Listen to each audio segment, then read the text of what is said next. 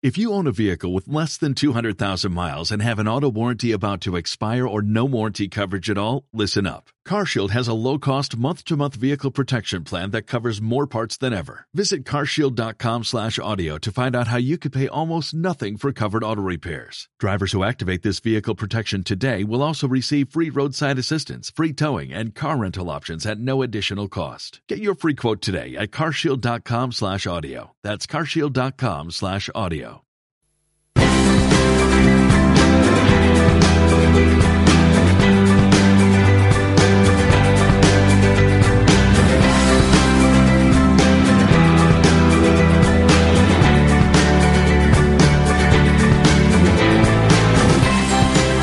Prepareu-vos eh, perquè aquest de dilluns, el dilluns 14 de desembre, celebrarà la cinquena edició de la Jornada Empresa i Coneixement que enguany porta per títol Reinventa't, innova per competir. Parlem amb el Pau Herrera, que és president de l'Associació Espanyola de Directius, Associació Espanyola de Directivos. Pau, molt bona tarda. Bona tarda. Com estàs? Benvingut. Bona tarda. Bé, molt bé, gràcies. Bé, sempre és interessant aquest tipus de jornades perquè ajuden i almenys orienten a, a empresaris i, i gent que, que, que vol reinventar i no vol que les circumstàncies l'ofeguin.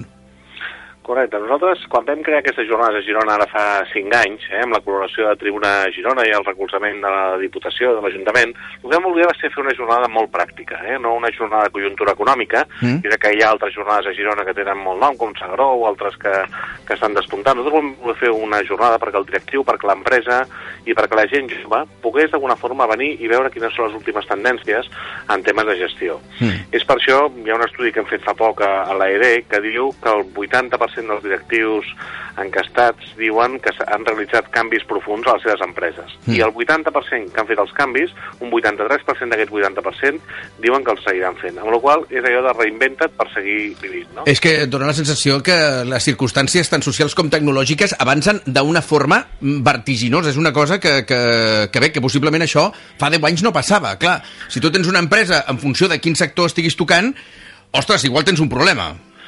Això Un problema d'adaptació, em refereixo, eh? És un problema d'adaptació, de canvi de mentalitat, també de com evoluciona el mercat. Mira, si veus el cartell de la jornada, que es veu un salmó Mm. i després un telèfon Samsung, que la gent pregunta què és això, bueno, pues, el- l'empresa Samsung va començar com una empresa que es dedicava a la pesca al salmó.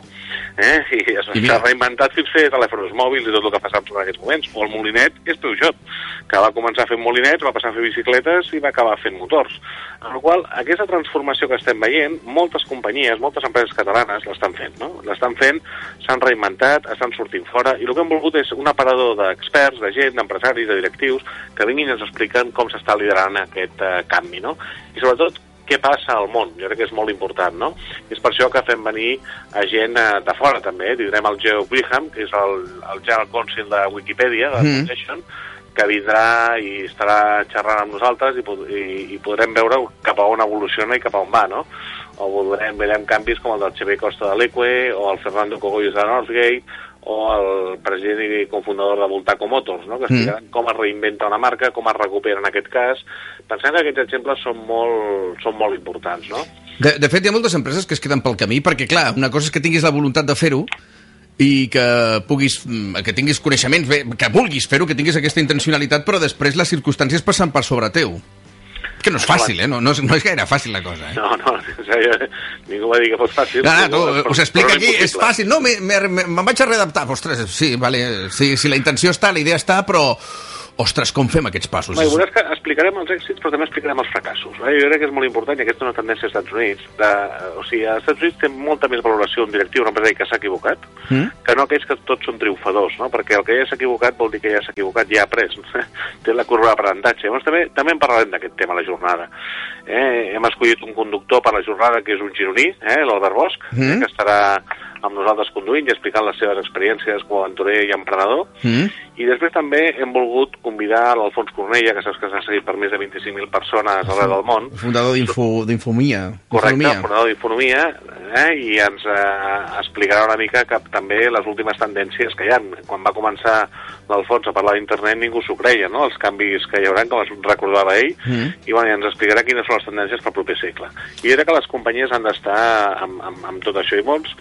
Llavors, en aquesta jornada jo crec que més hi ha una altra cosa maca que et comentava, uh Mhm. -huh. i és que hem convidat a més de 250 joves, no? O sigui, conjuntament amb la, amb la Fundació de Caixa hem pogut becar a una sèrie de joves que venen, que venen alguns dels professors i que poden escoltar i compartir amb els directius i empresaris un dia complet. Són joves Alguns- entre 16 i 22 anys que aniran Correcte. a aquestes xerrades, sí. que vindran i alguns empresaris venen amb el seu fill. Això també ho veiem a la Girona, és una de les coses que ens hem trobat any darrere any, a l'empresari que ve amb el fill. Pensem que això és molt maco i això és molt important, no? O sigui, tot el tema successió, que la gent jove també doncs, pugui entrar en tots els temes de gestió i pugui compartir de tu a tu amb tot el que és la, la gent i el que està passant, no? Veurem casos més tradicionals com Correus, tindrem el director general de comercial de màrqueting de Correus que explicarà com canvia Correus, tot el canvi que està fent CaixaBank El David Montanyola. el David Montanyola, eh, o el Xavier Mas, que ens parlarà tot el canvi que està fent la Caixa a nivell d'oficines mm. i cap on va, no? Eh, o el mateix de Samsung, no? El Francesc Cortiguela, no? Que, que, que parlarà tota l'estratègia que segueix Samsung a nivell de telefonia i com competeix amb Apple, no? Mhm. De, de fet, suposo que és una bona notícia d'entrada eh, a les previsions de creixement econòmic. Ah, això mateix. Avui, eh? avui mateix sortia la notícia que hi ha un, una previsió de cre per l'any vinent de creixement econòmic de, de prop del 2%.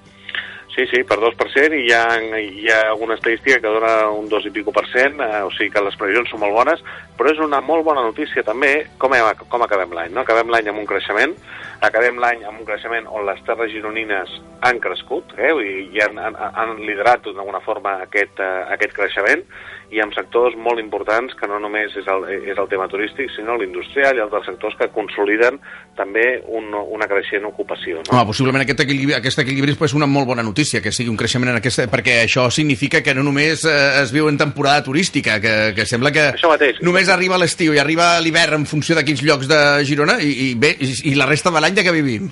Ah, això mateix, Ve- veure sectors com la indústria, com la construcció, a pesar de que dius, home, ha tornat a repuntar l'atur, sí, però si mirem les xifres com publicava la setmana passada, no?, de, Mm. les xifres de l'atur, vull dir, sí que hi ha una mica més d'atur, però si mirem interanualment estem un 10, millor, un 10% millor que l'any passat a la mateixa data, no? Això vol dir que estem, tenim una creació d'atur sostingut, no? Sí. Que no és un atur d'aquest que és depenent del sector turístic. Ostres, Pau, eh, és que baixar més era difícil, eh? Era molt, molt Baixar, complicat. baixar més era la catàstrofe. era la catàstrofe, però també és molt complicat recuperar, no? Sí, també. I, i, i recuperar d'una forma sostinguda. I crec que això, a pesar de que és molt preocupant el 18% d'atur, eh, que encara hi ha, però bueno, a poc a poc eh, va recuperant l'economia i es va recuperant d'una forma sostinguda. I pensem que això és molt important. Doncs ja ho sabeu, el dilluns 14 de desembre comença, que comença aquesta cinquena jornada d'empresa i coneixement a Girona, al, al Palau Auditori de Congressos de Girona, que bé, acollirà a prop de, de 1.000 persones, entre tots més o menys. Eh?